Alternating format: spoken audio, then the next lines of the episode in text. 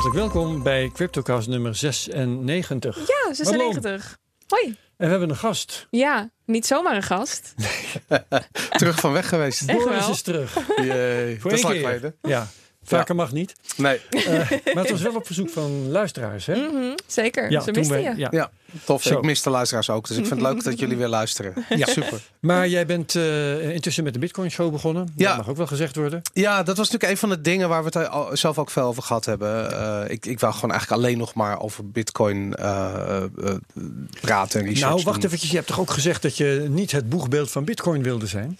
Daar ben je nou toch weer. Ja, zucht. kan er niet ik- omheen. mijn, ge- mijn gedachte was, ja, het probleem is dat zit echt. Ik, ik bedoel, ik kan niet mijn mond niet houden voor dingen die ik tof vind. Nee. En ik ben al twintig jaar lang mediamaker, dus waarom zou ik niet dat doen? Dus ik vond het heel moeilijk. om- Het heeft ook even geduurd voordat ik de knoop door had gehakt. En toen dacht ik ook van ja, dan. Het is een kleine niche, weet je. Bitcoiners, dat zijn er minder dan, dan de shitcoiners. Dus dat, dat is gewoon een kleinere groep. Dus meer niche. Maar uiteindelijk valt het allemaal best wel mee. Zo erg niche is het helemaal niet. Nee, want jullie hebben helemaal- ontzettend veel kijkers, Ja. luisteraars, Ja, et het cetera. gaat best wel goed. Ja, het is- Ja. Het, is, het is inderdaad, het is allemaal niet zo niche. Maar dat dacht ik wel. Maar goed, in ieder geval hoef ik niet meer whitepapers te lezen die ik niet wil lezen. Oké.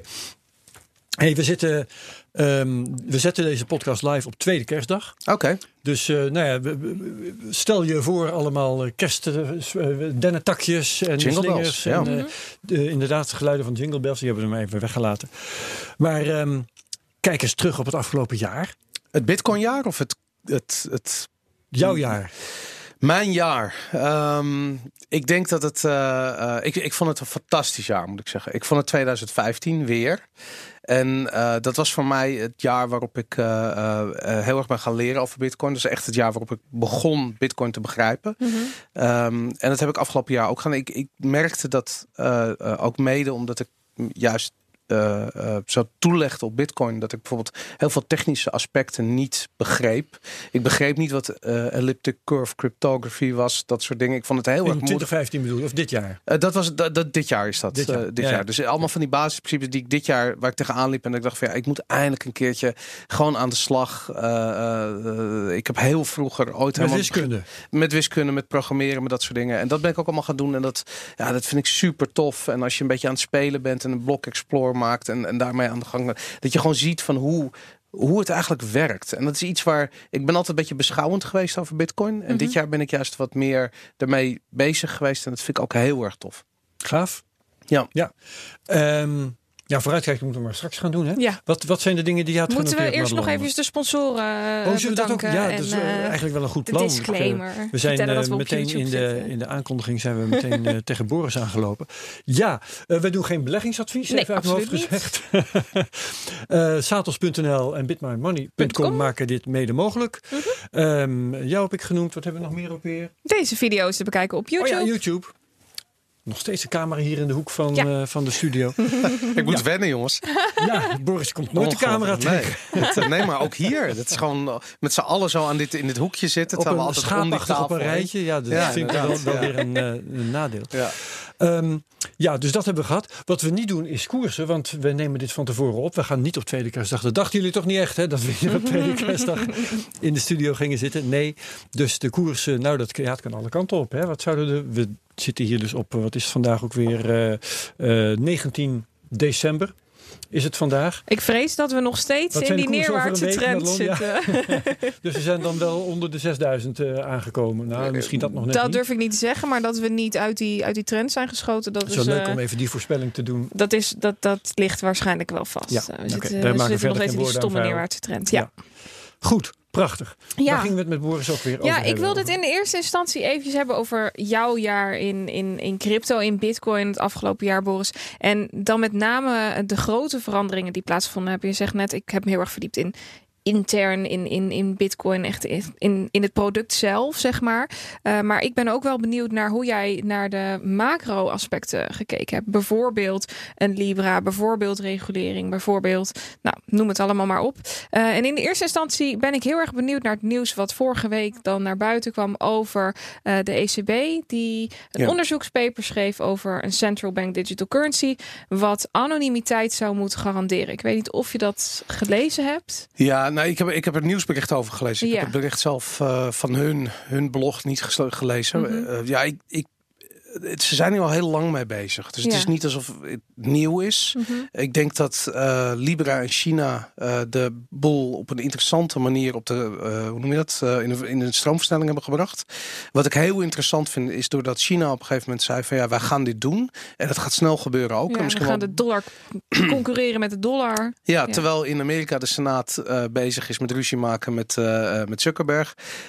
Dat vind ik heel interessant, omdat je ziet van ja, die Chinezen, ik bedoel, het is geen dem- democratie. Is gewoon, ja, er zit daar iemand die heeft gedacht van oké, we gaan dit nu op deze manier uitrollen. Mhm. En ja, wat hebben wij in het Westen als antwoord daarop? Nou, eh, eh, eh, niks gecentraliseerd in ieder geval, want niemand kon door de bureaucratie heen. Nee, maar het interessante is wel dat je ziet dat ze toch iets met die privacyvraag, dat vraagstuk doen. J- jij pleit altijd je, voor ja. privacy en zij geven nu aan, nou, we willen bij de, bij de banken een, een gedeelte neerleggen waarbij je een soort van privacy vouchers kan, kan ophalen tegen een bepaald. Ja, nee, is toch nu lach je wel? Bos. Ik ben heel erg benieuwd naar hoe jij, hoe jij daar nou, Nou, naar kijkt. niet. Ja, nee, het is belachelijk. Het hele idee is belachelijk. En, en ik bedoel, En je, waarom is het belachelijk? Omdat er niet iets bestaat als een beetje privacy. Dat is onzinnig. Je kunt niet een beetje je gordijnen dicht doen. Weet je? Dat heeft gewoon geen zin. Het, het, het, het, het- de, de momenten waarop je echt privacy nodig hebt, zijn Ja. de momenten waarop je merkt dat de gordijnen niet helemaal dicht waren. Mhm. En, Dus eh, dat, dat, die fout ligt bij het feit dat ze de banken de macht geven om die vouchers weer te, eh, uit te geven aan de burgers. Nee, maar of het nou vouchers zijn of wat dan ook, dat wat zij zeggen, wat ze gaan doen, Mhm. eh, is een eh, gecentraliseerd project uitbouwen. Ik vind het ook heel grappig dat ze het een stablecoin noemen. En dat, dat een Christine foutje, denk ik. Ja, dat Christine Lagarde ook zegt van ja, er is zoveel vragen in de markt naar stablecoins. Ik, zou, ik weet Huh? niet op wat voor planeet ze leeft, maar ehm, het hele idee, kijk, als je echt om privacy geeft, dan moet je op een heel andere manier naar organisatiestructuren gaan kijken. Mhm. En wat de ECB doet, dat heeft niets met privacy te maken. En dat ze het woord gebruiken, wil nog niet zeggen dat het project ook daadwerkelijk voldoet aan, aan ook maar enige vorm van privacy. Wat zij zeggen is van ja, kijk, de banken kunnen het natuurlijk wel zien en alle eh eh, dus, node ja. of weet ik veel wie er eh, allemaal is, die kunt het allemaal zien, maar die kun je vertrouwen. En daar hadden we het vorige week met PwC ook over. Hè? Dat als, als de banken het hebben, ja, dan is het ook ter Ja, beschikking van andere autoriteiten, Ja. politie Daarom, en opsporingsdiensten. En, En uh, gewoon ook commerciële bedrijven. Hè? Ik bedoel, dus sinds uh, AML D5 zijn we eh, eh, ook, of sorry, PSD, eh, Mhm. eh, wat was het nog wat? P2 of Eh, ja, zoiets. PSD2 inderdaad. PSD2. Z- Zijn, we verplicht, of zijn banken verplicht om hun data te delen van klanten? Dus met onder andere Amerikaanse bedrijven. Dus de- waar is die privacy dan? Ik bedoel, een partij die, die bekend staat om het niet. ehm, eh, niet belangrijk vinden van privacy van burgers, Mhm. moet opeens verantwoordelijk worden voor de privacy van burgers. Ik bedoel, ja, what could go wrong? Dus het is een soort, eh, een soort Libraatje wat ze nu doen, waar Libra eh, zich juist richt op, op de arme mensen als zijnde een, een marketingmiddel.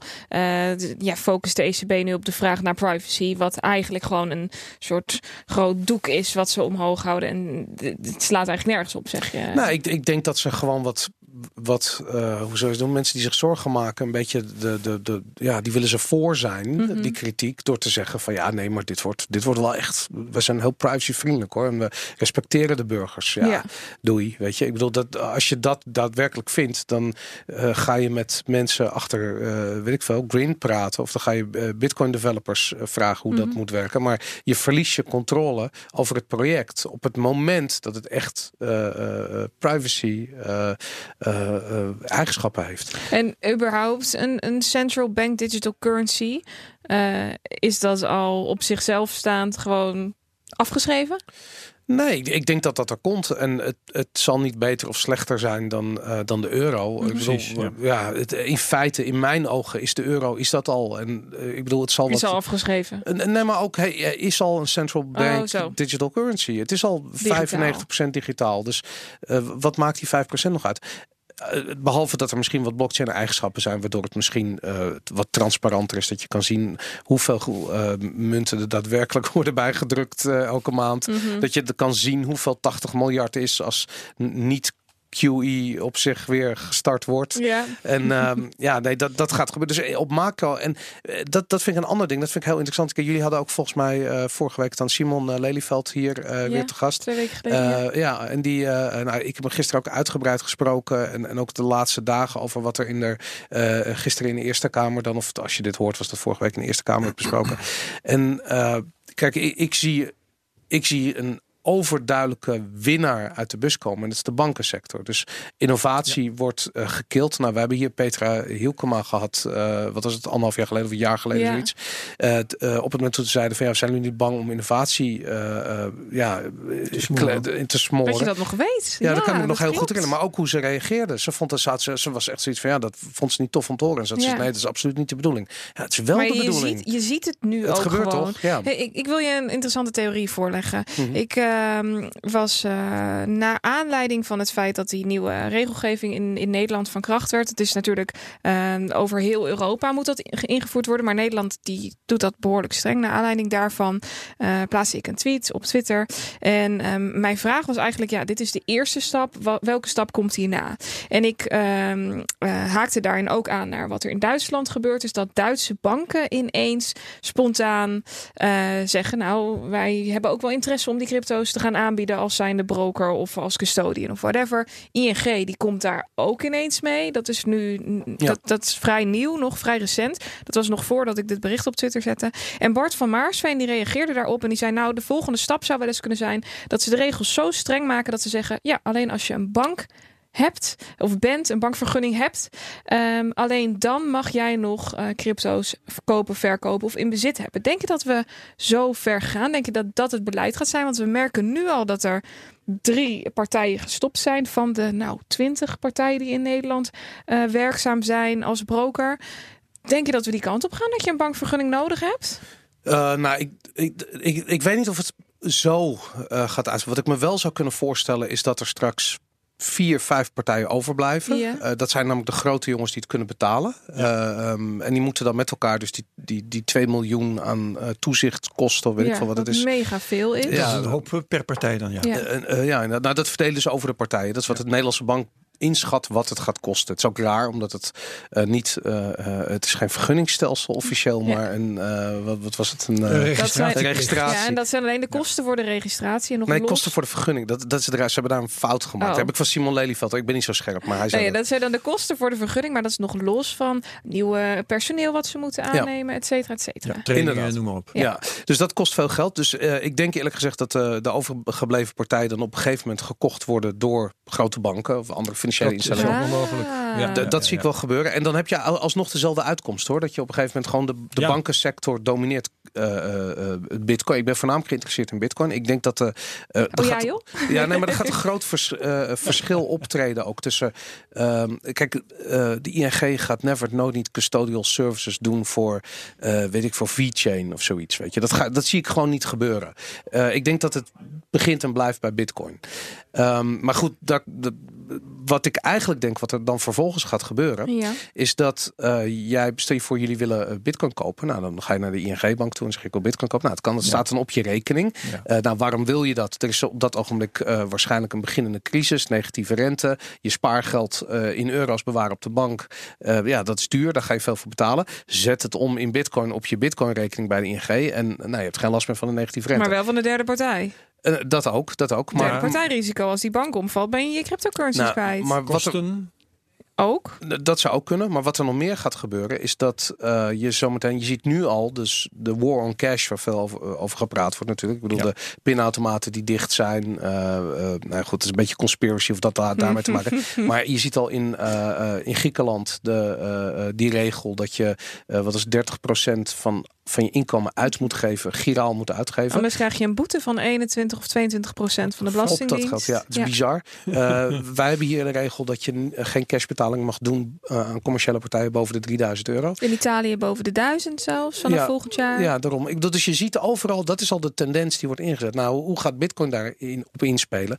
Wat je zo meteen gaat krijgen. Dus jullie hebben al een beetje Bitcoin gekocht op jullie officiële ING custodial eh, eh, rekeningen. dat wil je naar mij overmaken. Dat kan alleen als ik een officiële Bitcoin rekening heb bij de Rabobank. En die Bitcoin gaat nooit meer uit het systeem. Dat wordt gewoon bijgeschreven eh, zonder dat je dat daadwerkelijk ooit nog hebt. En eh, je gaat dus een tweedeling krijgen tussen Bitcoins. Eigenlijk een grijs circuit. eh, je, ja, Girale bitcoin. girale bitcoin, waar, waar ook weer fractioneel bankier op kan worden toegepast, bij wijze van spreken. Nou goed, dat, dat zou wel extreem zijn, maar dat, dat is mogelijk. Mhm. Eh, en de, en ja, de, de bitcoin aan de andere kant, de, de hodlers, de mensen die er lang in zitten, dat zijn natuurlijk relatief weinig. Ik weet niet hoeveel dat er zijn in Nederland, misschien 100, 200.000. Maar ja, die moeten dus een keuze maken op een gegeven moment als die brief van de Belastingdienst op de mat valt. Van eh, wil je alsjeblieft eventjes je, je, je, eh, je Xpub delen, je public keys delen. Mhm. Eh, want dan kunnen wij zien wat je hebt precies. Dan is het geregistreerd. En dan kun je uit, krijg je volgens een aanbieding om het te registreren of over te schrijven naar een officieel goedgekeurde custodial partij. Maar dat ga je krijgen. Natuurlijk ga je dat krijgen, ja. Nee, en dat is, dat, daar zie ik echt een probleem. Dus of de ehm, eh, eh, bitcoin sector nog überhaupt levensvatbaar zou zijn in Nederland eh, in, een in een toekomst die er zo uitziet. Ja, ik denk het niet eerlijk gezegd.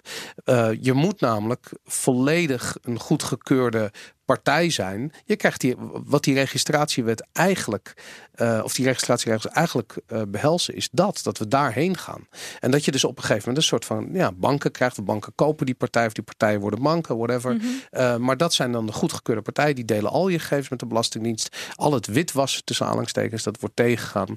En Maar ja, hoe zit het dan met het non-custodian gedeelte? Eh, stel dat je eh, nooit je wallet geverifieerd hebt. Dan betekent het dus dat je eigenlijk in een soort grijs, misschien wel ja. Ja. zwart Ja. circuit zit. Ah, direct, Eh, want je, je kunt namelijk ook geen eh, aangifte meer doen op dat En dan ogenblik. raak je in Nee. problemen zodra je gaat. Nou, dat, dat, wel, dat kan tenminste nu wel. Nu wel nog, ja. Want ja, je kunt gewoon zeggen, eh, zoveel heb ik, geloof het maar maar. wil je dat dan? Want daarbij mee neem je eigenlijk afscheid van je privacy. Nou, want dat nee, betekent want dat zodra je dan wilt gaan cashen bijvoorbeeld, dat is toch iets waar, waar ik nog wel eens aan denk, zoals je weet. Ja. Dan eh, loop je tegen de problemen aan. Want dan, dan kan dus het niet meer. dan, ja, dan moet je op een of andere manier via een, eh, Een ATM. Een, eh, Local bitcoins, Ja. op het damrak bij een wisselkantoortje, cash, Ja, dat soort dingen krijg je een dan. Ja. Inderdaad. Nou, Ja. eh, en- Hetzelfde en- wat nu ook met goud en zilver gebeurt. Dat ja, je dat gewoon. maar als je het doet zoals nu bij, eh, bij zo'n wat ik noem een wisselkantoor, Ja. dan loop je eigenlijk al tegen het lamp. Want dan, dan gaat zodra het om een beetje substantiële bedragen gaat, dan krijg je allerlei moeilijkheden. Mhm. Ja, het speelt eigenlijk nu al, alleen er wordt nog dus niet op het vandaan gehandhaafd. komt en zo. Ja.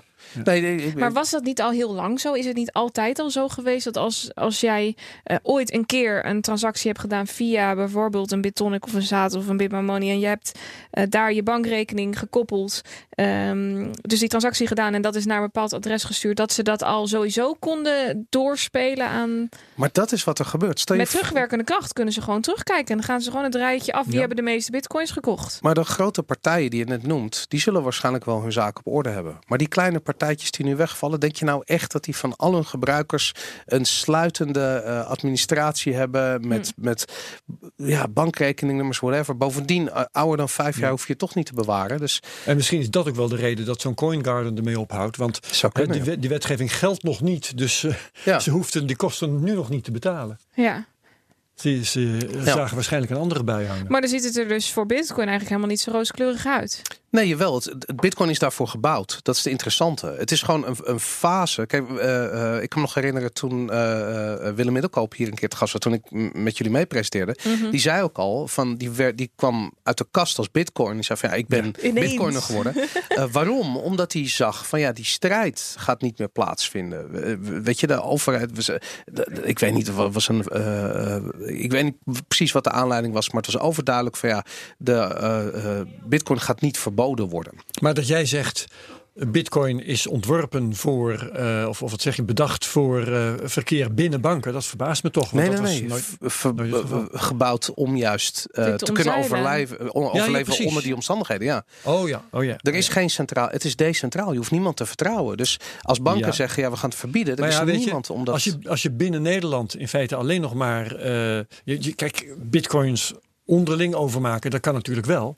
Maar uh, wil bitcoin bijvoorbeeld een betaalmiddel worden, dan uh, moet het toch gekruist kunnen worden met euro's. Ja. En dat verkeer, dat wordt dan volledig gecontroleerd. Ja. Dat klopt. Dus uh, het, datgene wat Bitcoin onafhankelijk maakt, dat is dan wel leuk dat het kan. Maar dat heeft dan steeds minder praktische waarde. Ja, nou en dan wat je dan daarna gaat krijgen, is dat er bepaalde landen uitzonderingen maken. En uh, dat moet je dan, dan krijg je hopen. van, Ja, dan krijg je van die Dubai-toestanden, weet je, Ja. zo in, Ja. in een. Of Malta. Ja, Malta is een goed voorbeeld, maar, maar Dubai heeft het niet qua geld, maar meer qua, qua levensstijl. In, En het stukje eh, Lightning, daar ben ik ook wel benieuwd naar. Eh, dat zou voor extra privacy moeten zorgen.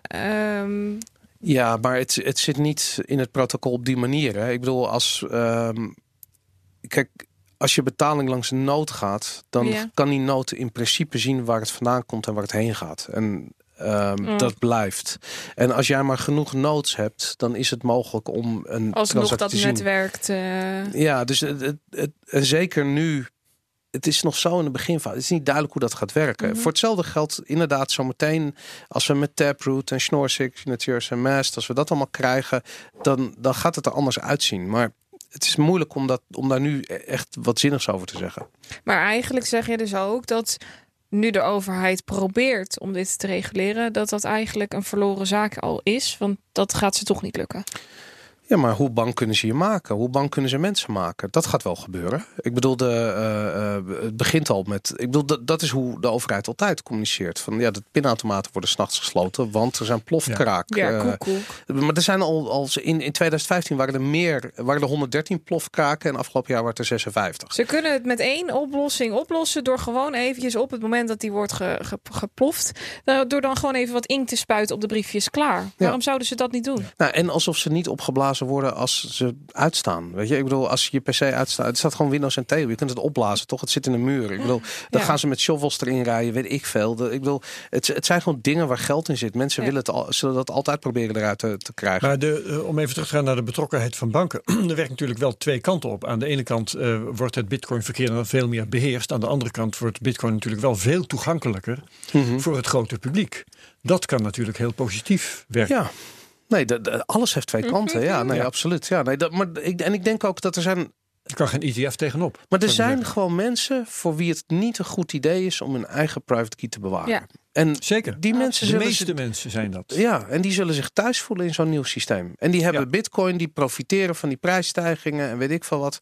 eh, kunnen eh, ja, kosteloos geld over, mag je hopen tenminste, maar in ieder geval relatief goedkoop geld overschrijven naar andere delen van de wereld als dat noodzakelijk is. Het gaat handig zijn voor mensen. Het gaat echt een, een ja, het gaat werken.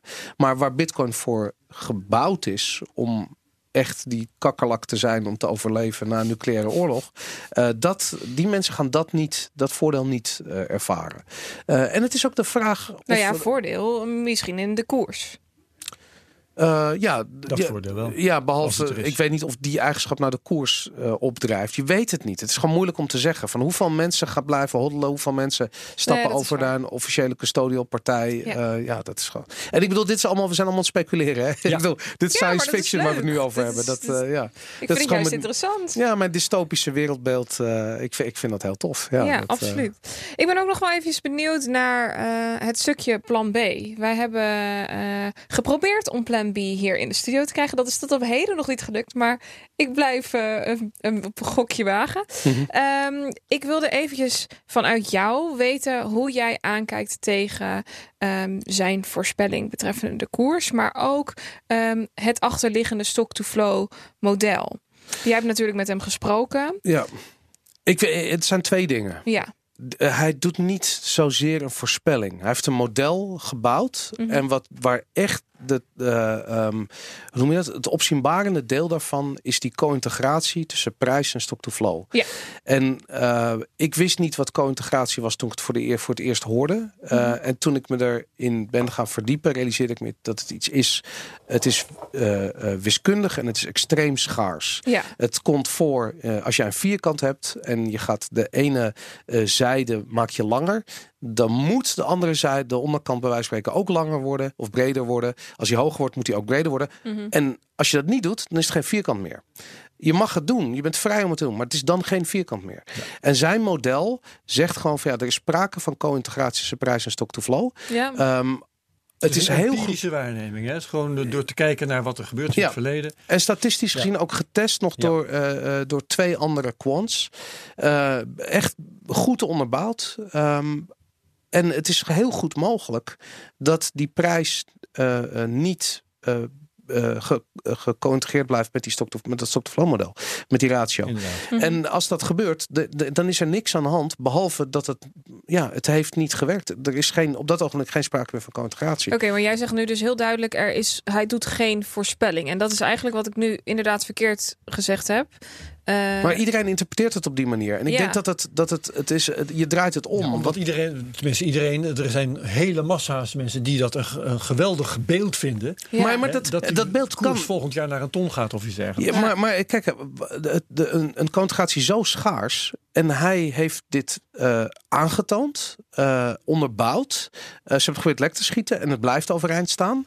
Eh, dan zou je kunnen zeggen, van, als het zo goed werkt, dan is het gevolg daarvan, als die conjugatie in stand blijft, Ja. dat we die prijsniveaus gaan bereiken waarvan je zegt van dat is zijn voorspelling. En daar zit het voorspellende karakter in van het model. dat Het- mo- ja. model moet wel zo blijven bestaan, want anders dan gebeurt het niet. Maar hij zegt, er is sprake van co-integratie. Blijft er sprake van co-integratie, dan, is dit wat de prijs gaat doen. En anders is er geen sprake van Nee, co-integratie. precies. Oké. Ja. En, Ja. en eh, je kunt ook een aantal omstandigheden noemen waarbij eh, die co-integratie zal wegvallen. Ja. Bijvoorbeeld economische crisis, ehm, eh, oorlog, het is massapsychose. prijs. Er kan van alles Ja, gebeuren. precies. Daarom, maar aan de andere kant, ik, ik geloof dat die co-integratie...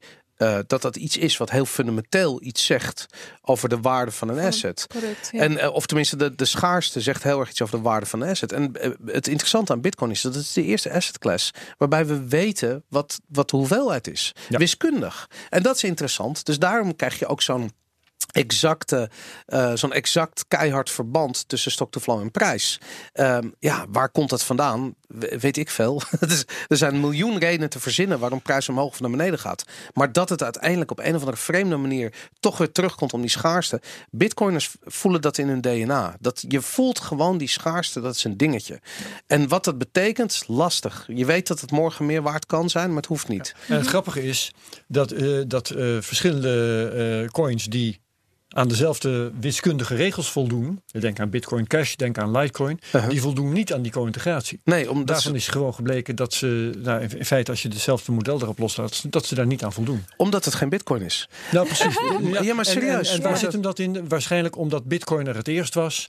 En omdat die andere twee eh, in eerste instantie de Bitcoin volgen en daarna nog iets. Ja, hij noemt dat dat eh, unforgeable costliness. Dus het is eh, Bitcoin. Het is, uiteindelijk gaat het om de. Voor mij, ik noem het altijd de netwerkeffecten van Bitcoin. Er zit, Bitcoin heeft het gewoon in zich. Dat proof of work eh, eh, eh, protocol heeft het in zich Ja. om, eh, eh, eh, eh, laat ik zo zeggen, als een soort. Eh, ja, hoe noem je het? Als zwaartekracht. Heb ik het wel eens gehoord om te zeggen. Als soort zwaartekracht te Maar kijk, wat, wat het ik trekt bedoel is, alles aan. Bitcoin is niet van God gegeven of zo.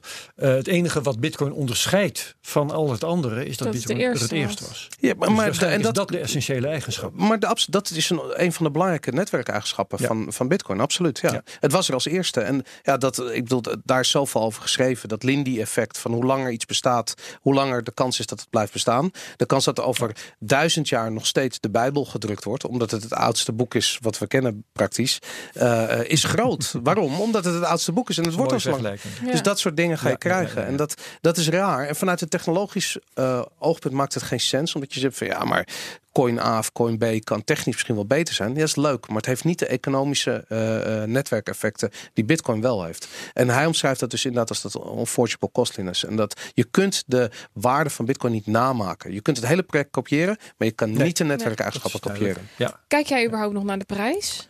Nee, nou, tuurlijk, maar niet. Ik, ik ben er niet zo mee. Ik heb niet zoiets van. Oh nee, 500 euro lager dan gisteren. Ik, wil, ik vind het, het is leuk om. eh, Ja, weet je, ik heb ook in mijn omgeving mensen die veel aan het treden zijn. En, en ik vind het gewoon grappig. Om, ik vind het leuk om er grap over te is maken. Dat, eh, Eh, tot voor enige tijd deed Madelon de, de crypto-update op woensdagochtend. ja. Eh, en had daar altijd, altijd wel iets te zeggen over de prijzen. Ik doe dat ding sinds eh, een week of eh, vijf, zes, misschien Ja. iets meer. Sinds begin oktober.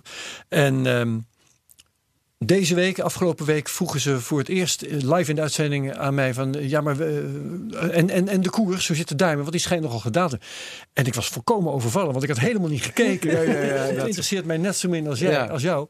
Omdat, ja, het gaat de ene keer de ene kant op, en de andere keer de andere kant op. Het enige wat echt interessant is, is wat het over een jaar doet. Ja, en ik vind, ik vind van die dingen, dat, dat verhaal van bijvoorbeeld die plus token scam in, eh, in, in, in China vind ik interessant. Stel dat dat waar is. Dat vind ik gewoon een interessante theorie. Ik Kun je heb- dat nog uitleggen? Voor even voor Eh, nou, er is een hele grote piramidespel eh, in China plaatsvond. Het de Plus Token. Eh, die hebben ook daarom inderdaad. Die, maar die, wat vooral opvallend is, hoeveel geld ze hebben opgehaald. eh naar verluid 3 miljard Ja. dollar. Oh. Eh 180.000 bitcoin. Dat hebben ze, OneCoin proporties. ja, maar Ja. inderdaad. En ik, ik, vind- ik vind ook die, die podcast eh, rondom OneCoin van de BBC, die was fantastisch. Missing Crypto Queen, mensen allemaal luisteren. Echt heel goed. Ja. En dit is eigenlijk, dit is, dit is eh OneCoin 2. Dit is gewoon. en Dus, maar goed, die Ja. zijn dus die, die- er zijn mensen opgepakt, het is opgerold, maar ja, er wordt eh, naar verluid eh, eh, 45.000 bitcoin gedumpt op de markt in kleine plukjes op Wobi. Ehm, en ja, dat zou de sell pressure kunnen verklaren die je ziet. En ik vind dat vind ik wel interessant Ja, hoor, ja, dat ja, soort dingen. Maar ja, de prijs zelf, ja, nee, ik, Nee. ik weet niet. Ik, ja. Weet je wat ik wel leuk vind? Eh, om eventjes eh, nu toch over prijzen gaat. Ik, ik heb een nieuw project. Ehm, en dat is het bijhouden van voorspellingen. Oké. En Oeh. dat ga ik dus vanaf nu doen. Mhm. Eh, maar om dat in te leiden heb ik meteen eventjes, eh, ik zal maar zeggen, alle duidelijke voorspellingen die ik kon vinden online, heb ik een, tijdje voor doorgegoogeld, heb ik in kaart gebracht. En daar ga ik de komende tijd ehm, het nodige van eh, uitspugen. Ik ga nog niet alles doen, maar goed, John McAfee staat nu natuurlijk bij. En van alles van die rare Tommy Lee die het de hele tijd mis heeft. En ga zo maar door. Ehm, wat nu wel leuk is, omdat dat eh, toevallig als eerste komt dat heel duidelijk naar voren.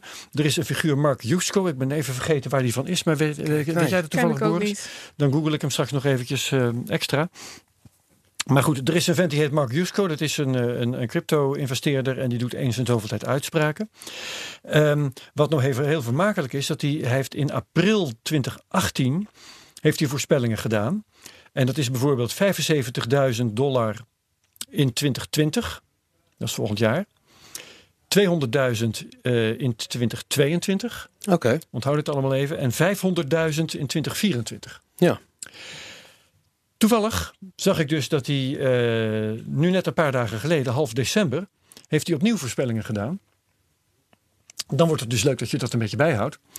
Want hij voorspelt 100.000 in 2021. Nou, dat is nog, ik zal maar zeggen, in overeenstemming met wat, wat ik daarnet zei.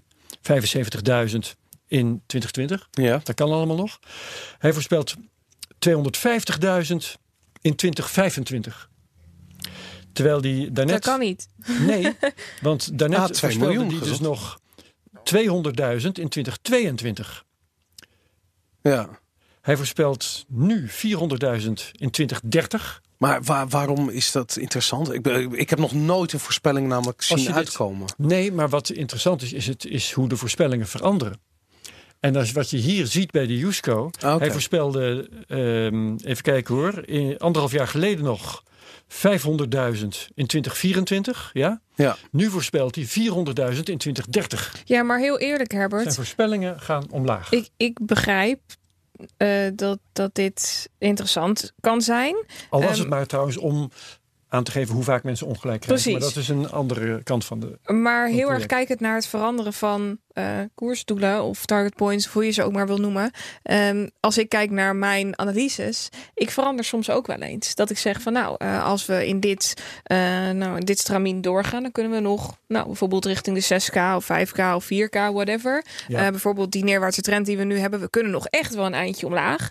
Maar op het moment dat we bijvoorbeeld over twee weken uitbreken, dan ja, zitten we over een maand niet meer op die 4K. Dan zitten we op een maand veel hoger. Ja.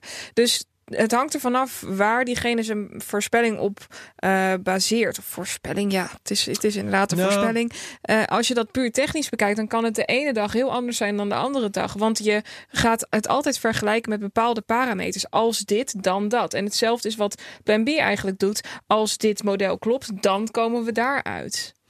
Of is dit gewoon. eh, Ik zie, het, ik zie het. Het kan zijn dat je gelijk hebt hoor, maar ik zie het anders. Want eh, ik zie gewoon, ik, ik zie vooral mensen zoals die Tommy Lee bijvoorbeeld, die eh, gewoon een Bitcoin-propagandist is. Ja, maar dat is spreken voor eigen parochie, lijkt Ja, mij. die voorspelde bijvoorbeeld, even kijken hoor, dan moet ik even zien. Ehm, eh, voor eind 2018 voorspelde hij in juni 2018 25.000 dollar. Mhm. Voor eind 2018 voorspelde hij in november 2018 10.000 do- eh, sorry, 15.000 dollar. En ehm, ik had er nog ergens eentje. Hij voorspelde eh, 40.000 dollar eind 2019. Eh, dat voorspelde hij in juni 2019. Maar waar baseert Ja. hij dit op? Hoeveel hij gewoon graag in het nieuws komen? Nee, Dat maar is het toch, verhaal het is- even uitmaken, afmaken. Hij voorspelde voor eind 2019 40.000 dollar in juni. En hij voorspelde voor eind 2019 ehm 20.000 dollar in augustus alweer.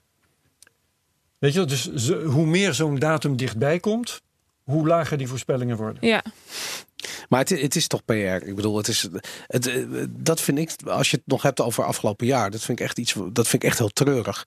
Als je kijkt hoe mainstream media omgaat met nieuws over Bitcoin. En het is, het is de hele. Nou, dan zeg, heb je het over de media, maar ik heb het dus over de voorspellers. ja, ik snap het. die, Maar, maar die, die dit moeten soort, wat meer hun mond houden. ja, maar dit soort verhalen worden steeds, eh, hoe noem je dat, versterkt door media die maar iets moet schrijven over op wat Bitcoin. voor specifieke voorbeelden doe je dan precies? Nou, er zijn heel veel. Je hebt heel veel van die crypto-websites die dit soort nieuws gewoon standaard brengen. Ja. Eh, die eh, moeten als ook nieuws. schrijven hebben en Daarom. dan schrijven dat gewoon over. En Dat wat je in, in, in mainstream media ziet die niet echt eh, eh, Bitcoin eh, coveren, die, die, die, ja, die halen altijd prijs erbij. Een soort van ja, we hebben Bitcoin terug zien vallen van 20.000 dollar naar weet ik veel, 3 Ja, dollar. dus. Ja, d- maar precies dat. Er worden, het, het wordt niet zozeer uitgesproken, maar het is altijd gebruikt als argument voor gelijk of ongelijk voor iets. Ja. En dat vind ik gewoon. eh, Maar Ja. heel eerlijk, als, Bitcoin, als de Bitcoin-koers strakjes op 2 ton staat, dan voelt het echt wel eens gelijk hebben. Ja, dat, daar hebben we het zelfs toen in 2018 ook over gehad, kan ik me herinneren. Dat, Ja. dat als die prijs omhoog gaat, heb je gelijk. Ja. En dat is het enige waarvan ik zeg. Ik bedoel, ik realiseer me. Ik heb op een gegeven moment had ik gehad van ja, eh, ehm, eh, ik zie veel mensen geld verliezen met traden. Ik, zie- ik zie daar een probleem in. Mhm. Aan de andere kant denk ik van ja, die price discovery van een nieuwe asset is extreem belangrijk. En hoe gaat dat anders dan door middel van mensen die denken van ja, ik denk dat het dat Ja, waard is. Ja. Dus het is wat, jij hier omschrijft zijn gewoon mensen die gewoon veel geld hebben, die aan price discovery aan het doen zijn. En ja, dat het nergens over gaat. Dat eigenlijk, het zegt alleen maar wat over sentiment. Ik, eh, ik geloof niet dat dit price discovery is. Ik geloof dat wat, wat ik nu in kaart aan het brengen ben, dat is, eh wat zei je net geloof ik ook, eh, dat woord, propaganda. Ja, nee, maar wat, wat ik bedoel is dat als hij hier ook naar trade, eh, dus Ja. stel dat hij eh, long gaat omdat hij denkt dat hij whatever, of uh, het een van ETF of wat dan ook, eh, als hij dat daadwerkelijk doet, ja, dan draagt hij bij aan de price discovery Ja. van Bitcoin. Dus dan wo- wordt een heel klein beetje wat hij zegt, wordt eh, waarheid. Toch waar. Ja. Behalve als er dus veel meer mensen zijn die iets anders zeggen. En dat gebeurt dus de hele tijd. Maar goed, Ik wil dit, graag nog eh, even. hier, ga, hier ga ik nog op terugkomen. ja. Want eh, er zijn allicht nog veel meer voorspellingen, bijvoorbeeld voor eind van dit jaar, die... eh, Misschien kunnen we er wel een mooie grafiek op loslaten of zo. Dat we kunnen zien, Ja, nou die zei eh, eerst dit en na. toen dat. En nou ja, Ja. Eh, goed. Ik wilde graag nog even naar de halving. Oh ja. Want oh, de halving komt eraan volgend jaar. En aangezien we toch eh, aan het vooruitblikken zijn. Hoe kijk jij naar de halving? Ja, het is mijn tweede halving die ik heel bewust ga meemaken. dus eh, de eerste keer met. Oké, ja, nee, ik, ik, kan me, ik kan me herinneren de, de vorige keer dat ik gewoon een of andere livestream op YouTube zat te kijken. En toen op een gegeven moment werd dat blok gemined en tada, en er gebeurde helemaal niks. Nee, En dat ga je nu ook weer krijgen, dat weet ik zeker. Ja, we, we, we, zitten, we zijn wel bezig om een halving party te organiseren, omdat ik het hele fenomeen fantastisch ah, dat is vind. leuk. Ja, ja, ja. Goed Ehm, idee. Ja, ik, ik, ik moet je zeggen, er gaat een bepaalde magie vanuit van een soort wiskundige formule zien werken of zien doen waarvan je weet dat hij het gaat doen, maar toch, eh, dat, dat is wel leuk. Maar ehm, ja, ik denk, ik, ik denk nog altijd, ik denk dat een merendeel van de mensen zich niet realiseert wat het gaat betekenen eh, voor de hoeveelheid bitcoins die eh, eh, op de markt komen. Wat gaat dat betekenen volgens jou dan? Een halvering. Ja, Ja, maar concreet. Want die halvering hoeft in principe niet zo heel veel... Nou ja, niet die zoveel te halvering is wat zeggen. bij de miners binnenkomt. Hè. Dat hoeft niet Precies. per se op de markt Want te komen. als we bijvoorbeeld kijken naar Mark van der Scheijs, die doet niks met zijn bitcoins die die mindt. Die houdt die vast. Zegt hij, maar dat is niet zo. Want Oh. het- nee, dat, Oh. maar dat is heel interessant. Want jullie, eh, jullie hebben hem laatst te gast gehad. Die aflevering heb ik geluisterd. Maar wij hebben hem ook een keertje eh, eh, eh, eh, een tijd terug te gast gehad. Ja. En, toen, eh, en ik heb het nog teruggeluisterd. Heeft hij gezegd dat hij eh, eh, pas bitcoin zou verkopen als hij 100.000 dollar was. ja, En hij zei dat hij 8000 bitcoin had gemined met eh Hut Eat. nu 12.000 voor wat ik laatst las. Eh, ja, lifetime, maar had er nog maar 3000. En bitcoin is nooit 100.000 geweest. Dus hij heeft wel degelijk lopen verkopen in de, in de bear market. Hmm, interessant. Wat gaan we hem vragen? Ja, ik wou dat nog naar jullie tweeten, want dat, uh, dat, dat vond ik echt opvallend. hebben binnenkort over de vloer. Oh, Oké, maar dan alsnog heeft hij wel die 3000 aangehouden waar jij het dus net over had. Dus dat betekent dat niet alles wat wordt gemined uh-huh. wel, uh, of niet de alles wordt bereikt. precies de markt bereikt. Inderdaad, dat, dat blijft in wallet zitten. Ja. Dus dat stukje omloopsnelheid, uh, zeg maar, dat, dat, dat mis je wel. Je kan het heel lastig meten. Maar dat, voor hetzelfde geld gebeurt dat nu toch ook? Ik bedoel, er is geen reden om aan te nemen dat dat dan anders gaat zijn dan nu. Nou ja, als het minen duurder wordt uh, of misschien niet meer rendabel is. Bij een gelijke prijs heb je gelijk. Maar de, het, het zou inderdaad uh, onderdeel kunnen zijn van het feit dat we inderdaad ook toegaan naar een hogere prijs. Ja. Of lagere energiekosten. Maar ik denk dat de hogere prijs uh, logischer Eerder, is. uh... Ja. En dat, uh, ja, en ik, ik, ik, zie het zelf. Ik bedoel, ik, ik, echt puur als hobby en om het te begrijpen, heb ik een Antminer S9 gekocht. En ben ik een beetje aan het kijken van hoe werkt dat en wat mindt dat dan op een dag. En hoe zit dat met energieverbruik. En ja, het is echt super interessant. En Ja. je ziet hoe ontzettend weinig dat oplevert. Dat is Ja. echt ongelooflijk, weet je. Ik bedoel, als je geluk hebt, want het, het- er is een geluksfactor is, in. het is je moet loterij. ja, dat is een soort Ja. van, ja. Eh, dan, dan, dan, dan, dan mine je misschien 25.000 Satoshi in een etmaal, weet je. Nou ja, dat is...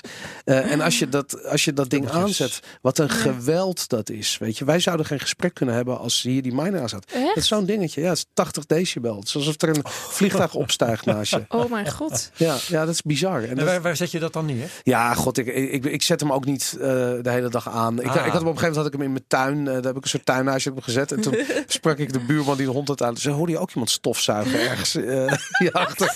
ik had iets van, oh ja, shit, dat is Oeps. geen goed idee. ik zei, nee, ik hoorde niemand stofzuigen. Maar inderdaad, dat, eh, ja, nee, het maakt heel veel. Het is gewoon, het is een echt een hele interessante business. Ja. En inderdaad, hoe dat eruit ziet. Ik bedoel, ik weet ook dat bijvoorbeeld heel veel miners gaan nu naar Georgië toe. Waar naar verluid eh, eh, energie gratis of nagenoeg gratis is. Oeh. Maar het netwerk, eh, het elektriciteitsnet niet zo goed is. En dat klapt er nu uit vanwege al die eh, miners die daar gaan zitten. Ja. Dus eh, er gebeuren zulke interessante dingen. Maar in ieder geval, de prijs van de bitcoin gaat niet omhoog omdat het zo leuk is voor de miners. Hè, dat, dat zal toch gewoon de markt moeten doen.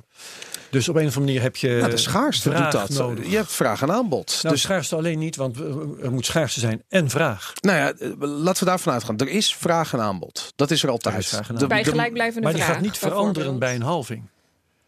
Dat zegt het aanbod verandert wel. Ja, dat wou ik zeggen. Maar het, het aanbod gaat niet precies halveren. Dat zie je trouwens ook als Nou je ja. naar de grafieken van plan B kijkt. Eh, juist op het moment van de halving zelf Mhm. faalt dat model. Het is, maar omdat er een overgangsfase is. Het is niet alsof dat blok gemined wordt en Nee. boom, die prijs is verdubbeld. precies. dat Maar gebeurt niet. fa- faalt dat model dan? Het is toch gewoon dat hij iets buiten de bandbreedte komt. Het is Nou ja, niet dat hij de- faalt. Nergens liggen de meetpunten, om het maar zo te zeggen, zo ver eh, van de eh, uit, uit de band. Ja, dat moet ook weer een equilibrium vinden, zeg maar. Ja. Maar bij gelijkblijvende vraag en een halvering van het aanbod zou dus ehm, de koers moeten Dan- verdubbelen. zeker. Ja, maar dan is de vraag, wat is aanbod? Want wat doen die miners met hun bitcoins? Verkopen ze die? Houden ze die aan? Hebben ze dat nu al die tijd al gedaan? En blijft de vraag gelijk? gelijk? Dat is ook Ja. nog weer de vraag. Ja, nou ja, kijk, En de, weet je, zodra de prijs ook maar een beetje stijgt, dan eh, stijgt het aanbod van uh, hodlers bijvoorbeeld, die op een bepaalde prijs hebben gewacht, meteen mee. Ja. maar er zijn Dus heel veel dat eh, geeft extra vertraging. Ik bedoel, je hebt natuurlijk ook de. het, eh, er is een hele generatie aan miners die nu eh, vervangen worden door snellere. Eh, we, we zitten nu volgens mij op 88 terahash miners.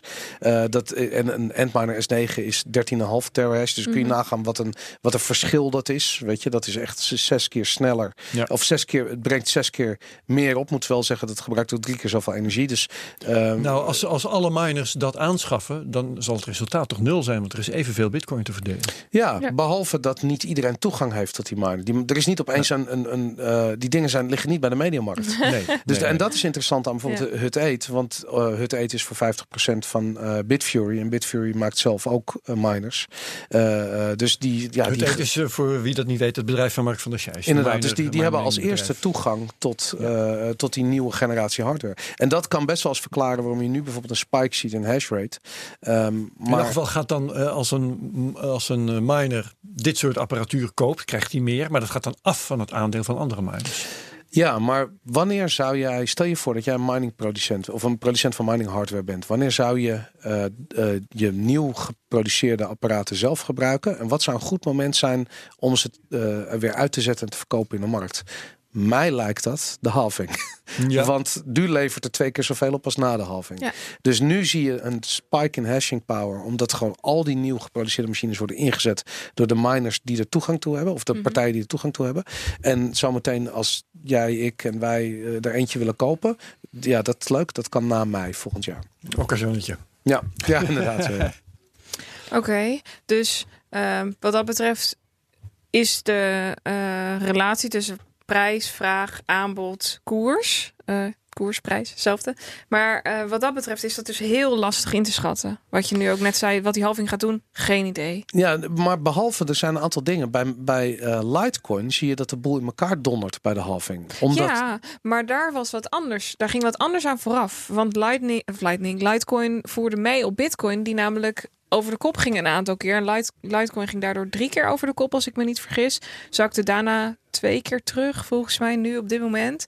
Dus die had een soort Bitcoin mee waarop die gestuurd werd. Dus dat, dat is toch, vind ik anders. maar, maar dat is prijs. Maar als je kijkt naar eh hashing power daar, zie je Oh, dat ja? de miners aan het afhaken zijn. Op Litecoin. op Litecoin. En dat is heel erg interessant, omdat, de, omdat die prijs dus niet reageert op de toegenomen schaarste, eh, la- ga je dus begin je opeens verlies te leiden. ja. En dat, ehm, ja, dat is natuurlijk ook een scenario wat op de loer ligt. Mhm. Maar waar dat het minste op de loer ligt, is Bitcoin. Omdat het gewoon de meest liquide markt is. Er is het meeste vraag en aanbod.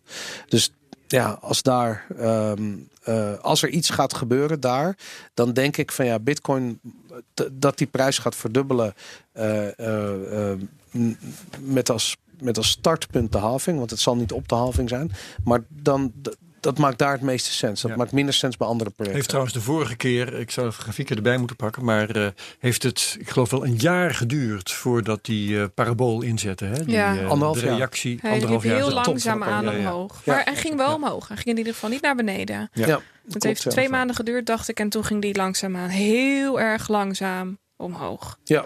Ik was nog even benieuwd. eh, even kijken, ik pak even mijn dingetje erbij. Oh, die heb ik nu net weggeklikt. Fantastisch. Naar wat jij eh, het afgelopen eh, jaar, het uit, uit de podcast die je nu presenteert, Mhm. het meest is bijgebleven en wat je onze luisteraars zou willen meegeven. Wow. Heel veel. eh, eh, er zijn heel veel dingen bijgebleven. Ik, eh, wat ik, ik van Plan B is onze best beluisterde uitzending natuurlijk. maar ook heel erg tof. Een hele toffe guy. Maar wat ik ook heel erg tof vond, is dat hij gewoon echt gelooft in die. eh, hij begrijpt Bitcoin heel erg, omdat hij zelf echt een Bitcoiner is. En dat vind ik heel erg leuk, dat hij in staat is geweest om een brug te bouwen naar de financiële wereld, waar hij zelf natuurlijk ook deel van uitmaakt. Ehm, en, maar wel vanuit echt een, een, het begrijpen van Bitcoin. Dat vind ik heel tof. Er zijn heel weinig mensen die dat kunnen doen en die op zo'n positie zitten. Eh, dat vond ik heel tof. Ik vind ook, er zijn heel veel, eh, ehm, ja, een beetje theoretisch of macro-economisch of, of ehm, ja, dingen die me, als je het hebt over eh, eh, ja, een beetje de economisch-filosofische kant of zo. Het feit van hoe, wa- wat is vrijheid? Weet je, wat is, hoe speelt handel een rol in vrijheid? Dat soort dingen. Ik ben meer libertariër geworden dan dat ik was, bij wijze van Mhm. spreken. Oh. En dat, eh, nou, maar dat was ik namelijk niet heel erg. Dat, heeft, dat hele proces heeft best wel lang geduurd. En wat daarmee te maken heeft, is dat ik eigenlijk nooit begreep dat wij in een systeem leven waarbij de overheid altijd voor 50% in elke deal zit. Hmm. Omdat ze het geld eh, maken, produceren. En dan zou je kunnen zeggen van ja, maar dat doen ze niet, de banken doen dat. En dat is natuurlijk waar een beetje de discussie ligt. Ik vind dat de overheid dat gewoon doet. Je ziet zelfs Christine Lagarde als politica die nu gewoon de ECB gaat leiden of leidt. Ja. Eh, ja, het is gewoon een politiek instrument geworden. Vriendjes is met Macron. Daarom, dus dat, dat het, eh, geld is politiek geworden. En dat, ik hou niet zo van politiek. En dat vind ik het toffe aan, aan Bitcoin, is dat Mhm. het, het is apolitiek. Het is juist heel erg wiskunde. Het is heel erg niet hoeven vertrouwen. Als je wil, kun je iemand vertrouwen, maar het hoeft niet. Maar in hoeverre gaat al die nieuwe eh, wetgeving, regelgeving dat dan veranderen? Want daarmee wordt het toch ook politiek? Nee, maar het, het, aan eh, maatregelen die door de politiek worden uitgevaardigd. Nee, maar de, de, voor Bitcoin gaat het niets veranderen. Het gaat voor eh, de fiat-kant heel veel veranderen. Daar gaat het alles veranderen. Want dat is waar het politiek grip op Maar heeft. het, het gaat toch van alles veranderen voor bitcoin bedrijven en voor het gemak waarmee mensen aan bitcoin maar dat is niet Bitcoin. Dat is niet het protocol. Dat is niet. Het Nee, protocol blijft protocol. hetzelfde, maar Maar er komt wel een flinke storm, een tornado de rol recht van op, bitcoin op in de Bitcoin af. samenleving. Ja, daar maar- heeft dit wel invloed op. Maar En eh, de Bitcoin is een stoomwals. Dat is het bizarre. Dat iedere keer als je denkt van, oh mijn god, hoe gaan ze dit overleven? Ik had dat heel erg in 2016 met die, Mhm. eh, eh, was het, eh, ja, 2016 was het met die, met die, met die eh, SegWit, eh, Mhm. weet Oh, je, ja. met Ja. die UASF. 2017 denk ik. Ja, het is zo van, oh, hoe gaan we hier in godsnaam doorkomen? En Bitcoin walst er gewoon overheen. Weet Ja. je, het is gewoon, ik kan me niet er eens meer niets herinneren. gebeurd alsof er was. niets gebeurd is. En dat is namelijk, dat zit in het protocol. Het is wiskunde. Onze meningen doen er niet toe. Dat is fantastisch, weet je. Ik bedoel, of, of je nou maximalist bent of juist gelooft in de me- meest verschrikkelijke shitcoin. Het maakt niet uit voor Bitcoin. Bitcoin walst gewoon door. En dat vind ik het van, ja, dat vind ik echt fantastisch.